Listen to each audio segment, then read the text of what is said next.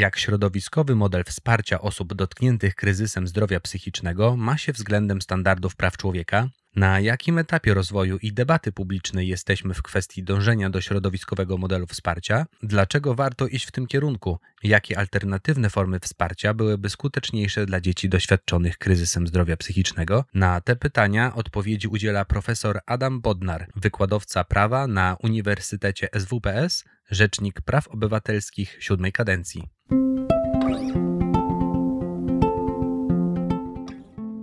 Słuchasz podcastu z cyklu Dziecko, nastolatek, dorosły Strefy Psyche Uniwersytetu SWPS. Wraz z psychologami, psychoterapeutami i innymi specjalistami rozmawiamy o zdrowiu psychicznym dzieci i młodzieży. Więcej merytorycznej wiedzy psychologicznej znajdziesz na psycheswps.pl oraz w kanałach naszego projektu na YouTube i Spotify.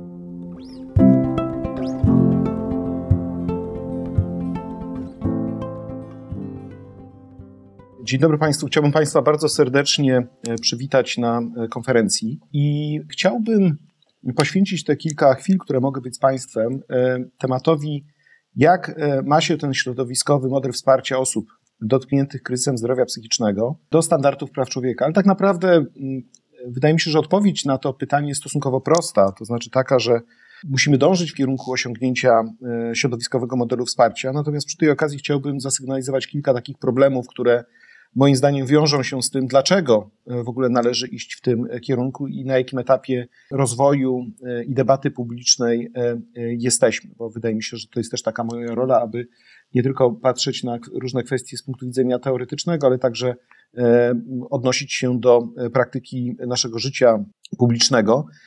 Tym bardziej, że bardzo dużo się w tej dziedzinie dzieje. Drodzy Państwo, jeżeli spojrzymy do naszej konstytucji, to w konstytucji znajdziemy cały szereg gwarancji odnoszących się do prawa e, do ochrony zdrowia. E, artykuł 68 ustęp 1 konstytucji o tym mówi, że każdy ma prawo do ochrony zdrowia. E, z kolei artykuł 68 ustęp 3 określa tak zwaną normę programową, w stosunku do kogo władze publiczne są zobowiązane do zapewnienia szczególnej opieki zdrowotnej. E, i określone są takie grupy jak dzieci, kobiety ciężarne, osoby niepełnosprawne oraz osoby w podeszłym wieku i nie ulega wątpliwości, że prawo do ochrony zdrowia odnosi się zarówno e, do zwyczajnej do ochrony zdrowia e, fizycznego, jak i zdrowia psychicznego. Z kolei Konstytucja także bardzo twardo ustanawia normy dotyczące ochrony praw dziecka. Rzeczpospolita Polska zapewnia ochronę praw dziecka. Każdy ma prawo żądać od organów władzy publicznej ochrony dziecka przed przemocą, okrucieństwem, wyzyskiem i demoralizacją. Również y, y, Konstytucja określa wyraźnie gwarancje dotyczące wolności osobistej. Y, to ma znaczenie, gdyż niektóre, bo gdyż jak dyskutujemy o środowiskowym modelu wsparcia, to musimy pamiętać, że jego przeciwwagą jest, są instytucje a instytucje ich funkcjonowanie może wiązać się z pozbawieniem e, wolności. Czasami jest to pozbawienie wolności w sensie rzeczywistym, fizycznym, czasami jest to pozbawienie wolności w sensie e, prawnym. E, tutaj chciałbym przypomnieć, że jedną z takich ważnych spraw, które udało mi się jeszcze uzyskać za czasów Niezależnego Trybunału Konstytucyjnego, to był wyrok z połowy 2016 roku, który określał, że osoby ubezwłasnowolnione nie mogą być umieszczane w domach pomocy społecznej e, wyłącznie na podstawie decyzji e, swojego e, opiekuna i że konieczna jest tutaj interwencja ze strony sądu. I myślę, że to jest ważny standard i myślę, że do tego wyroku z połowy 2016 roku powinniśmy wracać i sobie przypominać, gdyż jest to jedno z ważniejszych rozstrzygnięć sądowych odnoszących się do sytuacji osób ubezwłasnowolnionych. Drodzy Państwo, patrząc na kwestie poszanowania praw osób i kwestie związane z właśnie z, ze środowiskowym modelem wsparcia, to pamięta, powinniśmy pamiętać o tym, że walka z deinstytucjonalizacją e, jest w zasadzie już obecna powszechnie w języku praw człowieka. Tutaj najważniejsze znaczenie e, powinna mieć dla nas Konwencja ONZ o prawach osób z niepełnosprawnościami. E, komentarz ogólny numer 5 do tej konwencji z 2017 roku dotyczy prawa do niezależnego życia i bycia częścią e, społeczności. Komentarz ogólny to jest taka oficjalna interpretacja postanowień e, e, konwencji ONZ. I w tej konwencji pojawia nam się szereg pojęć, które myślę, że już są po prostu powszechnie stosowane w języku praw człowieka i które mają wpływ na to, jak powinniśmy odnosić się do naszych zmian na poziomie krajowym i do interpretacji naszych norm prawa krajowego. Jak na przykład prawo do niezależnego życia, prawo do życia w społeczności. Powinny być wprowadzane rozwiązania gwarantujące niezależne życie. I te pojęcia są bardzo szeroko interpretowane, na czym to niezależne życie e, polega. E, też e, wprowadzane są rozwiązania dotyczące asystencji dla osób z niepełnosprawnościami i jako oczekiwany standard praw człowieka. Natomiast chciałbym tutaj przytoczyć cytat z tego komentarza, który brzmi w sposób następujący. Rozwiązania polityczne z dziedziny deinstytucjonalizacji wymagają wdrożenia reform strukturalnych sięgających dalej niż likwidacja samych instytucji. Duże i małe instytucje są szczególnie niebezpieczne dla dzieci, w których przypadku nie ma dobrego rozwiązania, które mogłoby zastąpić dorastanie w rodzinie. Instytucje wzorowane na rodzinie pozostają w dalszym ciągu instytucjami i nie są w stanie zastąpić opieki członków rodziny. Oczywiście to sformułowanie odnosi się przede wszystkim do, e, tak do domów dziecka i, e, i poszukiwania rozwiązań e, alternatywnych w stosunku do domu dziecka, ale w sposób oczywisty deinstytucjonalizacja jest to pojęcie, które odnosi się szeroko do różnych aspektów funkcjonowania różnych tych wielkich instytucji, prawda? W naszym kontekście to mogą być w przypadku osób starszych domy pomocy społecznej, zakłady opiekuńczo-lecznicze, ale także szpitale psychiatryczne, i e, odchodzenie od e, leczenia szpitalnego na rzecz innych form, alternatywnych form wsparcia dla dzieci, które doświadczają kryzysu zdrowia psychicznego. Także deinstytucjonalizacja co do zasady definiuje się jako proces odejścia od opieki w dużych instytucjach na rzecz zapewnienia właśnie wsparcia w środowisku lokalnym. W Polsce od lat istnieje presja ze strony środowisk pozarządowych, także środowisk naukowych, na rzecz deinstytucjonalizacji. I ta presja, ona przekłada się na e, politykę państwa, natomiast e, zadałbym pytanie, na ile się przekłada skutecznie, na ile towarzyszy temu rzeczywista determinacja i na ile faktycznie e, wprowadzamy rozwiązania systemowe, ugruntowane, aby rzeczywiście osiągnąć e, proces e, deinstytucjonalizacji. I pamiętam, że w zasadzie cała moja kadencja upłynęła pod hasłem takim, że mówiłem często w wielu kontekstach o deinstytucjonalizacji, przedstawiałem różne pomysły i rozwiązania, ale na przykład się zderzałem z tym, że jest to zagadnienie, które wchodzi w zakres zainteresowania różnych e, ministerstw. E, z jednej strony Ministerstwo Funduszy Regionalnych, które miało na to środki e, z Unii Europejskiej, z drugiej strony Ministerstwo Rodziny i Polityki Społecznej. A jeżeli na przykład spojrzymy na jakieś różne szczegółowe aspekty, to się okazuje, że także i Ministerstwo Zdrowia, i Ministerstwo Sprawiedliwości ma coś do powiedzenia. I tymi różnymi aspektami deinstytucjonalizacji, zarówno w kontekście osób starszych, jak i osób z niepełnosprawnościami, jak i e, dzieci i młodzieży dotkniętych kryzysem zdrowia psychicznego.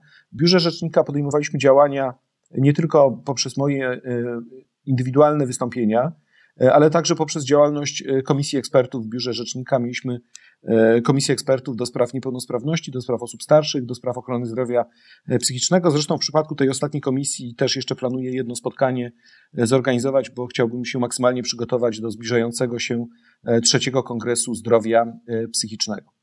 Natomiast oczywiście to, co jest e, takim, myślę, że przełomowym wydarzeniem, takim, na które oczekiwaliśmy, to jest uruchomienie programu pilotażowego do spraw Centrum Zdrowia Psychicznego, powołanie pana ministra Balickiego w randze pełnomocnika rządu do spraw wdrażania reformy. Pamiętajmy, że to już się zdarzyło już ponad rok temu i wreszcie myślę, że nastąpiło takie nowe otwarcie w kontekście właśnie odchodzenia od instytucji na rzecz E, opieki i wsparcia na szczeblu lokalnym. Natomiast myślę, że takim szczególnym przełomem jest e, to, co się wydarzyło w styczniu 2021 e, roku. Uważam, bo wcześniej były już przyjmowane różne programy i tutaj pani główna konsultant do spraw zdrowia psychiatrii dziecięcej, pani profesor Remberg podejmowała różne starania, stworzyła ten program tych trzech poziomów referencyjnych w kontekście ochrony zdrowia psychicznego. Natomiast wydaje mi się, że takim przełomem był właśnie styczeń.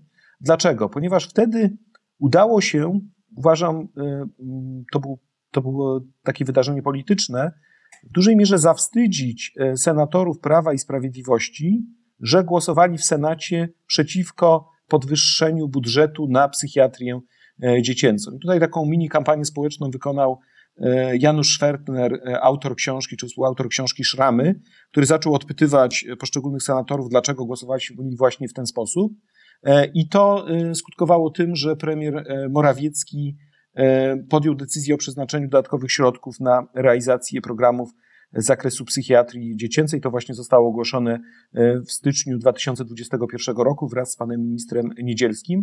I to, co było wcześniej, ja pamiętam, organizowaliśmy spotkania w biurze rzecznika, że sam program e, przedstawiony przez panią profesor Remberg wyglądał sensownie, natomiast to, co było kłopotem, to to, że nie towarzyszyło jemu finansowanie, to znaczy to, że nie, nie szły za tym konkretne pieniądze na rozbudowę e, całego systemu i teraz wygląda na to, że po tych e, zapowiedziach politycznych i przeznaczeniu konkretnych środków finansowych jest szansa na to, że ta kwestia ochrony zdrowia psychicznego dla dzieci i młodzieży ruszy naprzód. Natomiast, drodzy Państwo, E, oczywiście, jak myślimy o tych zagadnieniach, to ja uważam, że to nie jest tylko i wyłącznie kwestia zrealizowania tego konkretnego programu, ale w ogóle e, trochę szerszego spojrzenia na całą problematykę. I tutaj e, w czasie mojej kadencji na początku dość intensywnie współpracowałem z Rzecznikiem Praw Dziecka Markiem Michalakiem w zakresie właśnie psychiatrii dziecięcej i wzajemnie się tutaj wspieraliśmy, popieraliśmy. Myślę, że dla pana Rzecznika Michalaka to był taki temat całej kadencji, całych dwóch kadencji. On przez 10 lat bardzo konsekwentnie o to się upominał i wydaje mi się, że warto o tym e, pamiętać, bo to e, tworzyło pewną podbudowę pod późniejsze działania e, polityczne i społeczne. Miałem cały szereg wystąpień dotyczących sytuacji w psychiatrii dziecięcej. Organizowałem wraz z moimi współpracownikami debaty w ramach Kongresu Praw Obywatelskich. Jedna z tych debat właśnie odbyła się w czasie trzeciego Kongresu Praw Obywatelskich w grudniu 2019 roku, gdzie już wtedy no, spodziewaliśmy się, że prędzej czy później jednak ta reforma e, nastąpi. Natomiast starałem się także pokazywać, że że problemy psychiatrii dziecięcej biorą się z bardzo konkretnych problemów e, e, społecznych i też te problemy w biurze nazwaliśmy, na przykład kryzysy w rodzinach. Przykład temat, który jest w Polsce, myślę, że cały czas chyba niedoceniony, jak E, konsekwencje rozpadu rodzin oraz e, na przykład eurosieroctwa.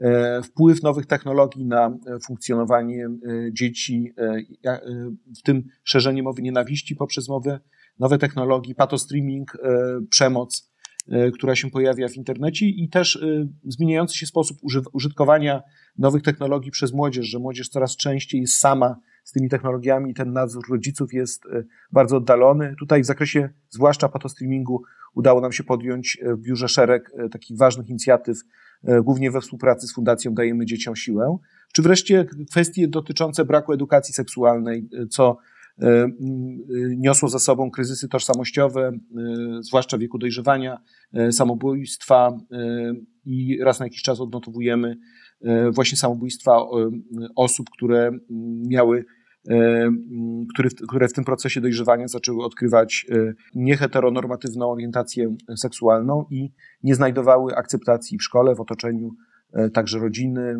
i swoich, swoich przyjaciół i rówieśników. Wydaje mi się, że warto o tym pamiętać, ponieważ te przyczyny, nawet jeżeli stworzymy najlepszy system wsparcia i pomocy, to te przyczyny nam nie znikną, a mam wrażenie, że niektóre z nich po prostu są odpychane na bok i uznajemy, że one nie istnieją, a one cały czas przecież e, w naszym życiu e, publicznym istnieją. W czasie kadencji także podejmowałem różne interwencje dotyczące poszczególnych oddziałów psychiatrycznych dziecięcych. Pamiętam no, absolutnie taką e, wstrząsającą historię w Gdańsku, kiedy praktycznie że z dnia na dzień zamknięto oddział psychiatryczny. E, I, I naprawdę no, nawet pamiętam tak dość dobrze, jak jeszcze chyba w sobotę wysyłałem mojego współpracownika E, pana Krzysztofa Szerkuca i pana Krzysztofa Olkowicza, żeby się tym zajęli i, i poszukali jakichś e, rozwiązań. Pisaliśmy mocne pisma, żeby jednak to nie miało miejsca. Ale to pokazuje, e, w jakim miejscu jeszcze niedawno byliśmy i być może te największe kryzysy zostały zażegnane, ale to pokazuje, ile jest do odbudowy. I wreszcie jest też taki temat, który jest moim zdaniem traktowany w Polsce absolutnie marginalny, marginalnie i w ogóle nie jest dostrzegany, a mianowicie kwestia bezdomności młodzieży. E, bezdomność nam się kojarzy e, z osobami, które gdzieś w późniejszym wieku e, utraciły stabilność życiową i zostały dotknięte kryzysem bezdomności, ale mamy naprawdę sporą grupę dzieci i młodzieży, które stają się bezdomne wcześniej i, i one nie mają praktycznie w ogóle jakiegokolwiek porządnego wsparcia systemowego. Na ten temat niedawno nagrałem podcast z panią Agnieszką Sikorą, która jest szefową Fundacji Po Drugie i która od 10 lat zajmuje się problematyką i te wszystkie problemy wyraźnie identyfikuje.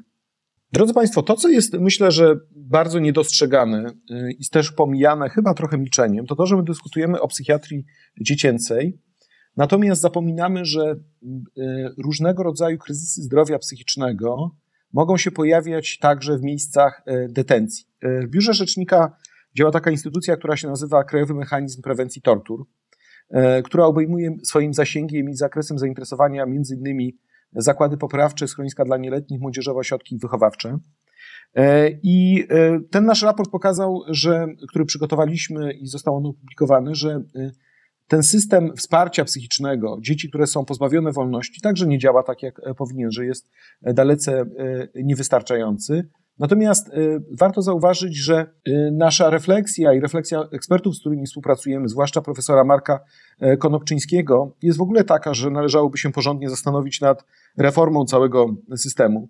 Pan profesor twierdzi, że polski instytucjonalny system resocjalizacji nieletnich jest oparty na filozofii przestarzałych koncepcji teoretycznych, organizacyjnych i metodycznych, niewątpliwie nie przystających zarówno do współczesnych rozwiązań pedagogicznych, a przede wszystkim e, do dynamicznych zmian eksjologicznych i kulturowo-społecznych. E, Nadal istota pracy placówek resocjalizacyjnych polega głównie na adaptowaniu i przystosowywaniu podopiecznych do życia w placówce, a wychowawczym narzędziem jest system kar i nagród e, e, regulaminowych. Owo siłowe adaptowanie i przystosowanie do sztywnych reguł regulaminowych obowiązujących placówce, połączone z ograniczeniem społecznych kontaktów, niesie ze sobą dwojakie konsekwencje, uczy wychowanków konformizmu e, oraz pozbawia ich umiejętności i kompetencji funkcjonowania w środowisku otwartym. Dlaczego o tym mówię? Ponieważ nie chciałbym, żebyśmy stracili to z pola widzenia. To znaczy, nieraz się spotkałem, to też jest moje takie doświadczenie z pierwszego Kongresu Zdrowia Psychicznego, że my dyskutujemy o zdrowiu psychicznym w warunkach wolnościowych, a zapominamy o tym, że w warunkach pozbawienia wolności też musimy zwracać uwagę na sytuację osób dotkniętych kryzysem zdrowia e, psychicznego, ponieważ te osoby są częścią naszego społeczeństwa, ale także dlatego, że one później wracają do E, do społeczeństwa. I w związku z tym, jeżeli tam e, nie dbamy o e, należycie ochronę zdrowia psychicznego, to może się okazać, że, mm, że te koszty społeczne będą po prostu o wiele, wiele, o wiele większe i myślę, że ten raport jest pod tym względem niezwykle przełomowy. Oczywiście w zakresie kryzysu zdrowia psychicznego już dzieci i młodzieży, zeszły rok to był ważny ze względu na przygotowanie raportu Najwyższej Izby Kontroli. Raport absolutnie wstrząsający, jak się go czyta, e, bo trochę, e, bo raport no, pokazuje czarno na białym, jak e, te zmiany zaszły głęboko. Po pierwsze, NIK wskazuje, że mamy głębokie zróżnicowanie terytorialne dostępności lekarzy i oddziałów psychiatrycznych, że starzeje się kadra, że średnia wieku jest no, bardzo, bardzo wysoka, nie ma tej naturalnej wymiany pokoleniowej, że w pięciu województwach brak jest oddziału psychiatrycznego dedykowanego dla e, dzieci, że zdarzają się przypadki, kiedy dzieci trafiają na oddziały dla e, dorosłych. Zresztą przecież to się skończyło raz e, popełnieniem przestępstwa na szkodę nieletniego pacjenta szpitala psychiatrycznego, głośnej, głośnego prawda, przestępstwa zgwałcenia. Wreszcie w przypadku placówek ambulatoryjnych raport wskazuje, że w połowie przypadków brak jest profilaktyki zaburzeń psychicznych, co jest uzasadnione E, realizacją tych zadań przez szkoły lub poradnie psychologiczne, pedagogiczne. E, tymczasem w szkole e, jest zbyt dużo uczniów, którzy przypadają na jednego pedagoga czy psychologa. No i, ale natomiast myślę, że ważne w tym raporcie jest to, i to jest taka jedna, to jest ta główna konkluzja raportu, że NIK dostrzega to, że opieka środowiskowa jest tym wyjściem naprzeciw i że działania w rządzie w tym zakresie są realizowane. I Jakie są moje mm, rekomendacje? Bo to jest, wydaje mi się, że, czyli jeszcze raz chciałbym powiedzieć, że pójście w kierunku opieki środowiskowej i nastawienie na to jest absolutnie standardem praw człowieka. Co do tego nie ulega wątpliwości i tutaj e, odchodzenie od instytucji e, powinno by, jest niezbędne w różnych e, obszarach życia społecznego, nie tylko w zakresie psychiatrii dziecięcej, ale także w, zak w zakresie e, osób starszych czy osób e, z niepełnosprawnościami. Natomiast oczywiście pandemia dodatkowo podkreśla konieczność reformy psychiatrii dziecięcej. Są różne raporty i opracowania wskazujące, że dzieci ze względu na pracę zdalną, nauczanie zdalne, bez też odpowiedniego przygotowania metodologicznego nauczycieli, no, znacznie bardziej są narażone na kłopoty zdrowia psychicznego. Też pamiętajmy, że pandemia nam uwidoczniła takie błędy systemowe, że część dzieci znalazła się poza systemem, że nagle instytucje państwa nie były w stanie zbadać, co się dzieje z uczniami tymi znikającymi, tymi, którzy nie logują się do, do systemów. Pandemia nam pokazała problemy dotyczące także przemocy domowej, bo prawdopodobnie o wielu przypadkach nawet nie, widzimy, nie wiemy ze względu na to, że te dzieci nie mogły opuszczać swoich e, domów. Druga rzecz, druga konkluzja, którą chciałem powiedzieć, to jest to, że cieszyć może oczywiście to, że e, przeznaczone są większe środki na walkę, z, e, znaczy na psychiatrię dziecięcą. I ta zapowiedź budżetowa i premiera Morawieckiego i ministra Niedzielskiego to na pewno jest znak w dobrym kierunku. Natomiast no, za tym muszą iść zmiany systemowe, bardzo głębokie i miejmy nadzieję, że ta reforma, która została zainicjowana to powstanie tych 148 e, e, placówek jest krokiem w dobrym, w dobrym kierunku. Natomiast pamiętajmy, że jeżeli zajmujemy się psychiatrią dziecięcą, to nie wystarczy te, do tego podchodzić tylko i wyłącznie z perspektywy zdrowotnej, ale musimy wiedzieć, że wchodzi to obecnie w że to zagadnienie wchodzi w zakres zainteresowania sześciu resortów. I brakuje cały czas takiej porządnej e, koordynacji i e, determinacji w zakresie e, ustalania tych różnych, tych różnych łączników i też eliminowania przyczyn kryzysów psychicznych. No bo na przykład mówiłem o patostreamingu, który moim zdaniem ma skutki, może mieć skutki, czy w ogóle używanie nowych technologii bez kontroli rodzicielskiej może mieć skutki dla zdrowia psychicznego, a to na przykład wchodzi w zakres zainteresowania Ministerstwa e, Cyfryzacji. Z kolei e, sytuacja dzieci pozbawionej wolności e, to z kolei jest Ministerstwo Sprawiedliwości. I tak dalej, i tak dalej. Moglibyśmy po prostu, ale największy, myślę, wydaje ten konflikt jest na tle relacji między Ministerstwem Rodziny i Polityki Społecznej a Ministerstwem Zdrowia, bo to nie odnosi się tylko do E, zagadnień psychiatrii dziecięcej, e, ale w ogóle szerzej do tego, na ile polityka społeczna e, może być, powinna być uzupełniona przez politykę zdrowotną, na ile te kompetencje się tutaj łączą. Bardzo ważne jest także długoterminowe wzmocnienie kadr psychologów, psychiatrów, pielęgniarek, wychowawców. W kontekście psychologów no, chciałbym przypomnieć, że my wciąż nie mamy w zasadzie, też miałem wystąpienia na ten temat, nie doczekały się E, skutku, czyli e, tego, że my e, mamy z jednej strony przyjętą, nie mamy uregulowanego porządnie zawodu psychologa, co samo w sobie też jest przecież kłopotem, że z jednej strony w wielu przypadkach przepisy wymagają opiniowania różnych kwestii przez psychologów, a sam zawód nie jest wystarczająco precyzyjnie uregulowany w polskim prawie. To jest też rzecz przecież do rozwiązania.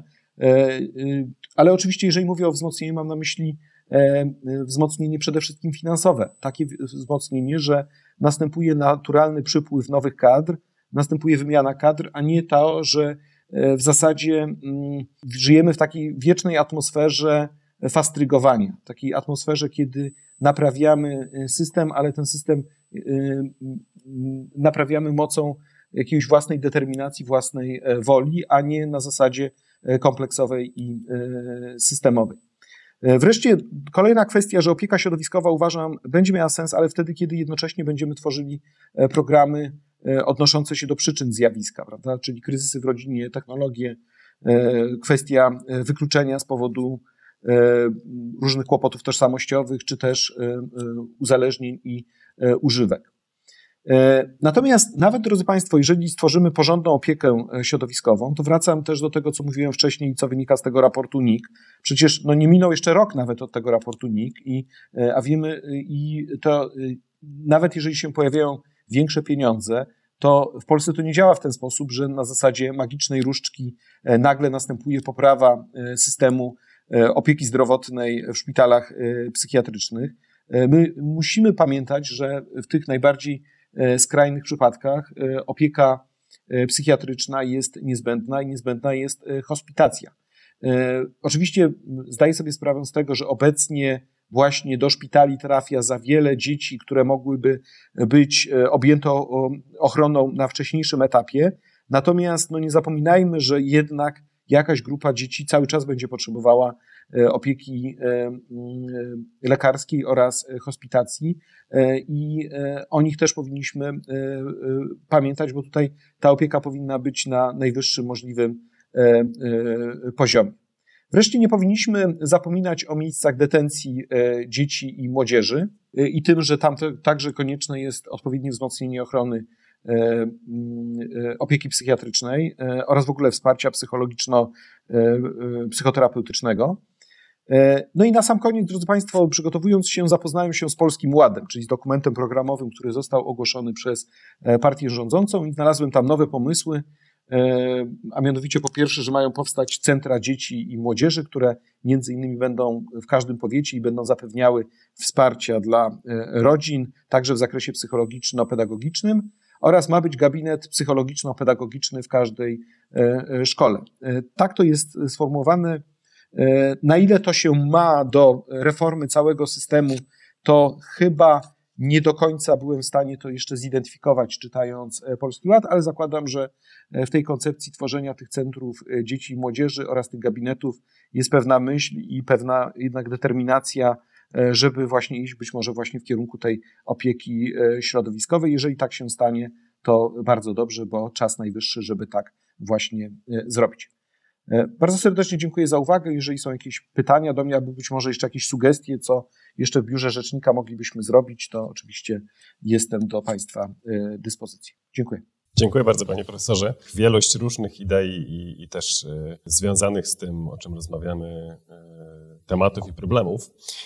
E, ja sobie pozwolę najpierw, zanim zadam pytanie od, e, od słuchaczy, e, to też do tego polskiego ładu trochę nawiązać, ponieważ przed panem profesorem mieliśmy wystąpienie pani profesor Szepker, która mówiła nam o systemie psychiatrii i psychoterapii dzieci i młodzieży w Niemczech i przestrzegła nas na koniec przed dywersyfikacją różnych rozwiązań. Jak pan profesor powiedział o nowych pomysłach w polskim ładzie, które nie wiem, czy miałyby być równoległe, czy jakoś włączone, to no, musiałem pomyśleć o tym, czy nie idziemy czasami w tym samym kierunku, że będziemy mieli kilka równoległych światów, jeśli chodzi o wsparcie, a, a to nie, nie wpłynie na skuteczność, jak, jak pokazują Niemcy. Ale też jednocześnie mówił pan profesor troszkę o pieniądzach. My tutaj w, w, w praktyce, że tak powiem, czyli y, działając y, w centrach środowiskowych na przykład, które są finansowane z programów e, europejskich, e, troszkę się martwimy tym, jak to będzie w przypadku, gdy no, będziemy musieli przejść do świata równoległego, finansowanego z budżetu państwa, który, jak wiemy, no, ma dość krótką, na razie przynajmniej wygląda na to, że ta kołderka jest dość krótka, chociaż założenia są, są ciekawe. Nie wiem niestety, jak, jak to będzie wyglądać.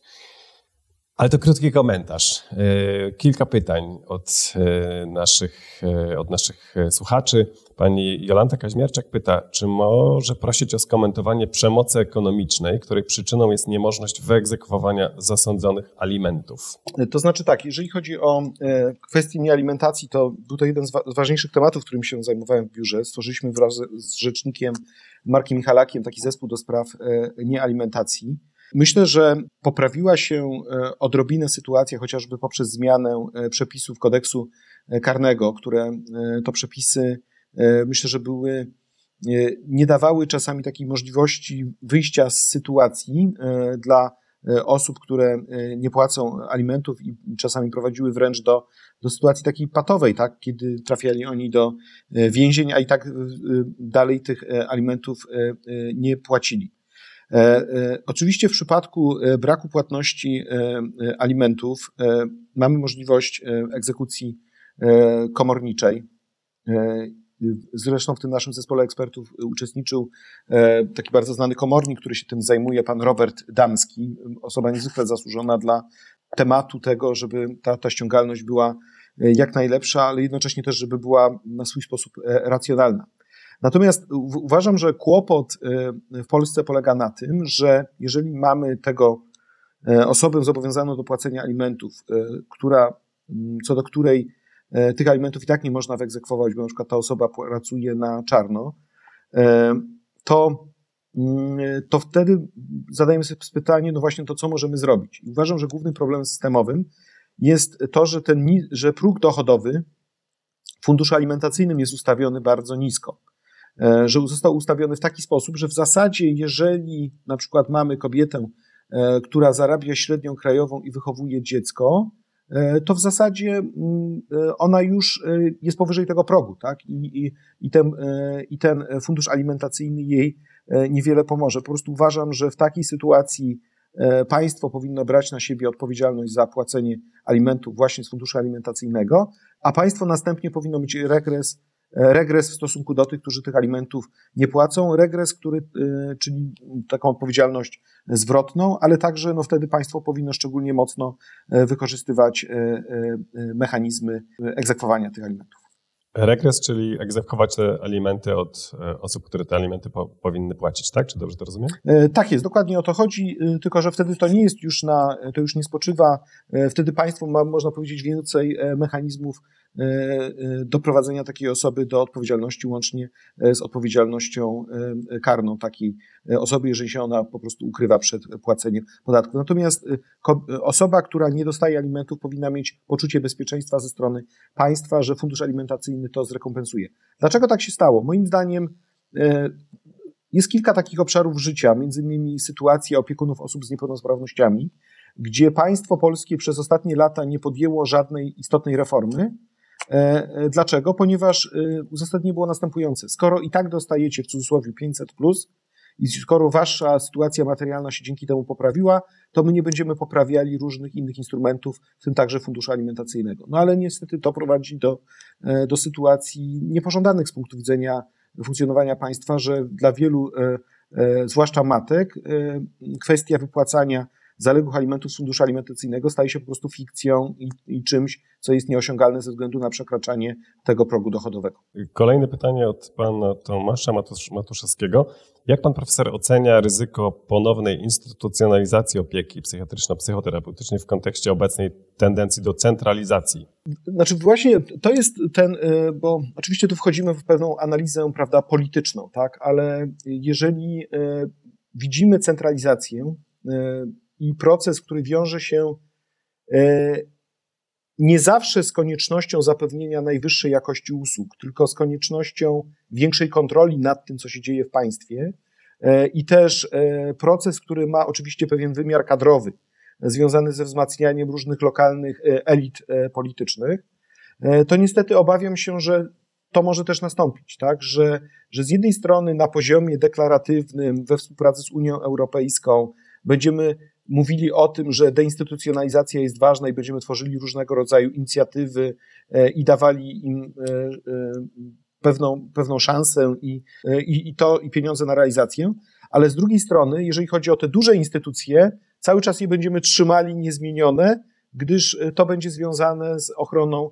interesów politycznych tych ludzi, którzy po prostu są tymi lokalnymi elitami politycznymi na szczeblu, na szczeblu lokalnym, ponieważ no, posada dyrektora tego czy innego szpitala, y, czy wiążące się także z tym przepływy finansowe, e, mogą być po prostu korzystne z punktu widzenia e, politycznego, żeby takie przyczółki utrzymywać, a jednocześnie, żeby nie wchodzić w jakiś właśnie nadmierny konflikt. I to oczywiście będzie powodowało, że że, że ta idea nie będzie w pełni zrealizowana, że będzie, że zatrzyma się w pół kroku. I na przykład ja może powiem o, o, o takiej jednej rzeczy. Pamiętam, że my przygotowaliśmy w biurze rzecznika e, w 2016 roku taki bardzo porządny, kompleksowy raport na temat domów pomocy społecznej. E, I e, ten raport został przedstawiony i zaczęliśmy mówić o deinstytucjonalizacji. Natomiast ja się spotkałem z krytyką ze strony ludzi z DPS-ów, mówiąc, ale zaraz, no przecież my wykonujemy porządną pracę, my tutaj mamy porządne instytucje, one są prawda, ładnie zbudowane, wyremontowane i my tutaj staramy się najlepiej, jak możemy dbać o tych naszych podopiecznych, a pan nas atakuje. a pan nas chciałby zlikwidować, tak? Ja mówię, ale słuchajcie, to nie chodzi o was, tak? To chodzi o cały system, że albo się umawiamy, że idziemy e, w kierunku opieki e, środowiskowej e, i tutaj pani dyrektor Barbara Imiołczyk, szefowa Centrum Projektów Społecznych w Biurze Rzecznika, bardzo mocno przygotowała naprawdę mnóstwo różnych rekomendacji, działań, jak taka opieka środowiskowa mogłaby wyglądać dla osób starszych w miejscu zamieszkania, albo zostawiamy te stare instytucje. Tu nie chodzi o atakowanie kogokolwiek, tu chodzi o to, żebyśmy się umówili na jakąś systemową zmianę, która e, powinna mieć miejsce w naszej e, rzeczywistości e, społeczno-politycznej, ponieważ skoro przyjmujemy tego typu model, to powinniśmy być wtedy konsekwentni. Tak sobie myślę też w kontekście tego, o czym mówiłem, tych różnych sposobów finansowania, na przykład środowiskowych centrów, czy, czy, czy też pierwszego poziomu referencyjnego, czy istnieje teraz taka, takie niebezpieczeństwo czy ryzyko, chociaż być może powinien nie nazywać, nie wartościować tego, e, przejścia z tego poziomu finansowania ze strony samorządów na, na finansowanie ze strony e, chęci finansowania przez centralę, że tak powiem. E, bo, bo, wydaje mi się, że to mogłoby być e, niekorzystne dla, dla rozwoju wsparcia, ponieważ no, jakoś mam takie wyobrażenie, że, że na poziomie samorządów wiedza o tym, co jest potrzebne, jest dokładniejsza niż na poziomie centralnym. Temat finansowania jest bardzo ważny, ale troszeczkę moim zdaniem w innym kontekście, bo oczywiście ta centralizacja daje pewną szansę na to, że być może tych pieniędzy będzie więcej, ale Proszę zauważyć, jaki się odbywa proces na szczeblu lokalnym. Jak jeździłem po Polsce właśnie, e, czy z panią Barbarą Miołczyk, czy wiem, że tutaj też uczestniczy w konferencji pani Joanna Troszczyńska-Rejman, to my odwiedzaliśmy wiele miejsc, e, e, które na swój sposób czasami są innowacyjne, które są progresywne, jeśli chodzi o podejście do ochrony zdrowia psychicznego, które też potrafią pozyskiwać środki unijne, ale też mają często wsparcie ze swoich władz lokalnych. I, I ta innowacja była możliwa dzięki temu, że pojawiały się nowe, dodatkowe środki e, w budżetach lokalnych, że władze wiedziały, ok, takie i takie mamy potrzeby, musimy na to przeznaczyć tyle i tyle środków, ponieważ uważamy, że to jest ważne z punktu widzenia rozwoju społeczności lokalnej. Natomiast jaki my mamy proces? Proces taki, że najpierw podwyższono, najpierw przeprowadzono reformę edukacji e, kosztem gmin tak? E, I tym, że główny ciężar finansowy spadł na nie, żeby reformę przeprowadzić. Później e, e, zniesiono podatki dla, podatek dochodowy od osób fizycznych dla osób do 26 roku życia. Teraz będzie kolejny etap, czyli podwyższenie progu wolnego od podatku, tej kwoty wolnej od, od podatku, co także spowoduje konsekwencje w dochodach z PIT-u dla jednostek samorządu terytorialnego. Po prostu obawiam się tego, że tych pieniędzy dla samorządów coraz bardziej brakuje, bo y, to obcinanie funduszy nie jest równoważone e, dodatkowymi subwencjami ze strony władzy, a jeżeli nawet te subwencje się pojawiają, to one są często znaczone politycznie, czyli niektóre są, niedawno był na ten temat raport Fundacji Batorego, że e, samorządy bardziej zaprzyjaźnione z rządzącą władzą dostają więcej pieniędzy niż te, które są e, kontrolowane przez przedstawicieli opozycji, czy po prostu niezależnych burmistrzów, czy wójtów, czy prezydentów. I tego się najbardziej obawiam, że po prostu te pieniądze, które szły na innowacje, które szły na e, przeznaczanie właśnie rzeczy na różnego rodzaju e, centra e, wsparcia, także wsparcia psychicznego, że nagle tych pieniędzy po prostu zabraknie w budżecie, tak, że gminy nie będą w stanie wykonać tych swoich najbardziej naj, na, niezbędnych, podstawowych usług, a, a to będzie traktowane jako jakaś e, e innowacja, która jest zbędna, albo, którą po prostu, albo której po prostu nie możemy, e, nie możemy wspierać. I teraz tam w tych gminach, w tych powiatach, gdzie powstawały naprawdę takie perełki, tak, z punktu widzenia kształtowania też intelektualnego, jak na czym powinien polegać ten system ochrony zdrowia e, psychicznego, nagle się okaże, że jest pustka, tak, że, że nie ma pieniędzy i nie ma przestrzeni na te e, innowacje. Tego się bardzo obawiam w kontekście e, pieniędzy i uważam, że to może być jedna, jedna, jedno z tych większych niebezpieczeństw dotyczących właśnie konsekwencji pandemii. Bardzo dziękuję, panie profesorze, jeszcze raz za to, że dziękuję bardzo. znalazł pan czas na to, na to żeby nam pokazać różne wątki i przyjął Pan zaproszenie do nas e, na konferencję. Dziękuję bardzo. Jak rozumiem, widzimy się wszyscy niedługo na Kongresie Zdrowia e, Psychicznego, bo to myślę, że jest ta ważna inicjatywa i cieszę się, że środowisko taką inicjatywę stworzyło, bo myślę, że bez tego nie mielibyśmy tych zmian i byśmy cały czas dyskutowali tylko i wyłącznie o problemach, a teraz przynajmniej jakieś światełka w, tych tunela, w tym, tym, tym tunelu się rysują, że może jednak będzie lepiej pomimo